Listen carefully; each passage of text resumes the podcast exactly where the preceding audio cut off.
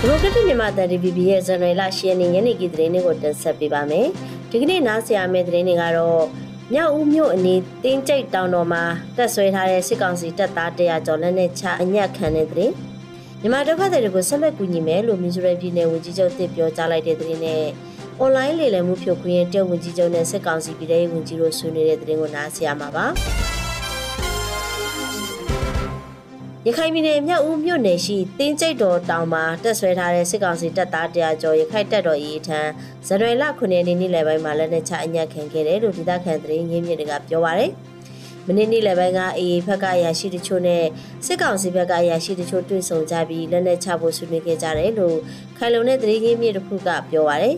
အခုလက်နက်ချခဲ့တဲ့စစ်ကောင်စီတပ်သားတွေကိုညနေပိုင်းမှာမြောက်ဦးမြို့ ခမရ3ခုကိုတက်ရေးဘက်ကိုတွားခွင့်ရခိုင်တပ်တော်ဘက်ကခွင့်ပြုလိုက်တယ်လို့လည်းမြေပြည်သတင်းရင်းမြစ်တွေကဆိုပါတယ်။တင်းကျိတ်တောင်ကစစ်ကောင်စီတပ်သားတွေဟာ2019ခုနှစ်ကလေးကတက်ဆွဲထားတာဖြစ်ပြီးအဲ့ဒီတောင်ကိုပိတ်ဆို့တိုက်ခတ်ခဲ့တာကြောင့်ရိတ်ခါပြတ်တောက်လာပြီးလက်နဲ့လက်နဲ့ချအညက်ခံတာဖြစ်နိုင်တယ်လို့ဒေသခံတွေကပြောပါတယ်ရှင်။ မြန်မာနိုင်ငံကဒုက္ခသည်တွေနဲ့မဏိပူပြည်နယ်ကနေဥမဲ့အိမ်မဲ့ထွက်ပြေးလာကြတဲ့ပြည်တွင်းဒုက္ခသည်တွေကိုဟိုအစိုးရရဲ့ထောက်ပံ့မှုနဲ့မီဇိုရမ်ပြည်နယ်အစိုးရကဆက်လက်ကူညီပေးသွားမယ်လို့မီဇိုရမ်ပြည်နယ်ဝန်ကြီးချုပ်လာဒူဟာမာကပြောပါတယ်။မကြသေးခင်ကမှရွေးကောက်ပွဲတင်မြှောက်ခံခဲ့ရတဲ့မီဆိုရာဝန်ကြီးချုပ်သစ်လာဒူဟာမန်ဟာ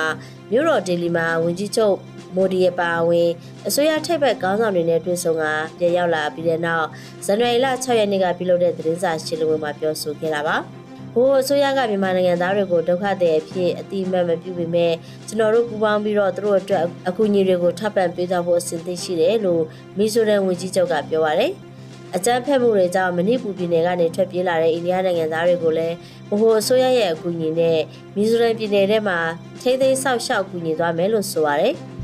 တရားဝင်ချက်လက်တွေအရမြန်မာနိုင်ငံမှာအာဏာသိမ်းမှုဖြစ်ပွားခဲ့တဲ့2021ခုနှစ်ဖေဖော်ဝါရီလနောက်ပိုင်းမီဇိုရမ်မှာလာရောက်ခိုလိုနေကြတဲ့မြန်မာနိုင်ငံကချင်းတိုင်းသား3100ကျော်ရှိတယ်လို့ဆိုပါတယ်ရှင်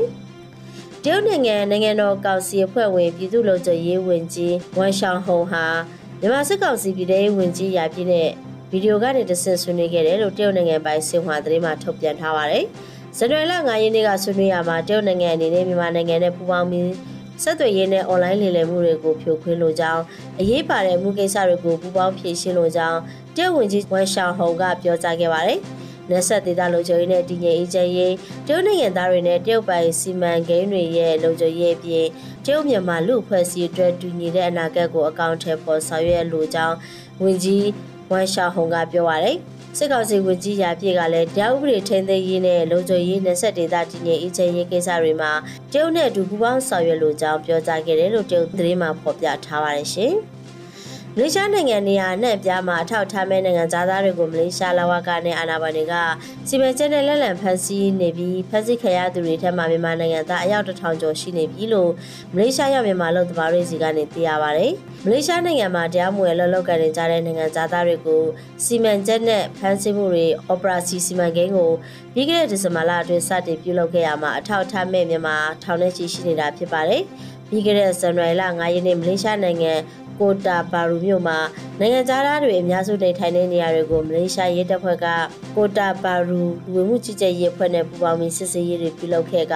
တရားမဝင်နိုင်ငံသား2300ကျော်ကိုစစ်ဆေးခဲ့ပါတယ်။အဲဒီထဲမှာအထောက်ထားရှိတဲ့နိုင်ငံသား2100ကျော်ကိုပြန်လွှတ်ပေးခဲ့ပြီး အထောက်ထားဆောင်ရွက်စာတမ်းရှိတဲ့မြန်မာနိုင်ငံသား100ကျော်အပါအဝင် Time အင်ဒိုနီးရှားအိန္ဒိယပါကစ္စတန်နီပေါနဲ့ဘင်္ဂလားဒေ့ရှ်နိုင်ငံသားတွေကိုပါဖမ်းဆီးခဲ့တယ်လို့မလေးရှားသတင်းတွေမှာဖော်ပြထားပါတယ်ရှင်။ရန်ကုန်တိုင်းတွင်ရှိပုဂ္ဂလိကကိုပိုင်အထက်တန်းကျောင်းထဝက်ကျော်ဟာပုဂ္ဂလိကပညာရေးဥပဒေစိတ်ကြိမ်ဆန်ရွနဲ့မပြည့်မီတာကြောင့်ပိတ်သိမ်းရဖွယ်ရှိတယ်လို့ကိုပိုင်အထက်တန်းကျောင်းလုပ်ငန်းဖွင့်လှစ်ထားသူတွေစီကနေသိရပါတယ်။ ရန်ကုန်မြို့ရှိကိုပိုင်ကျောင်းထဝက်ကျော်ဟာပုဂ္ဂလိကပညာရေးဥပဒေသစ်မှာပါတဲ့ကျောင်းသားတွေရဲ့ကျန်းမာရေးအတွက်အစိုးရအခြေခံပညာကျောင်းတွေကိုကျေဝန်းတဲ့ကျောင်းဝင်းတဲ့စာသင်ခန်းတွေရှိမယ်လို့သတ်မှတ်ပြထမ်းတဲ့အပေါ်မှာမပြည့်မီမကိုက်ညီသေးတာကြောင့်ပိတ်သိမ်းရဖွယ်ရှိတယ်လို့လည်းကိုပိုင်ကျောင်းများအသင်းနဲ့နှိဆက်သူတို့ကပြောပါရယ်ပုဂ္ဂလိကပညာရေးဥပဒေသစ်အရ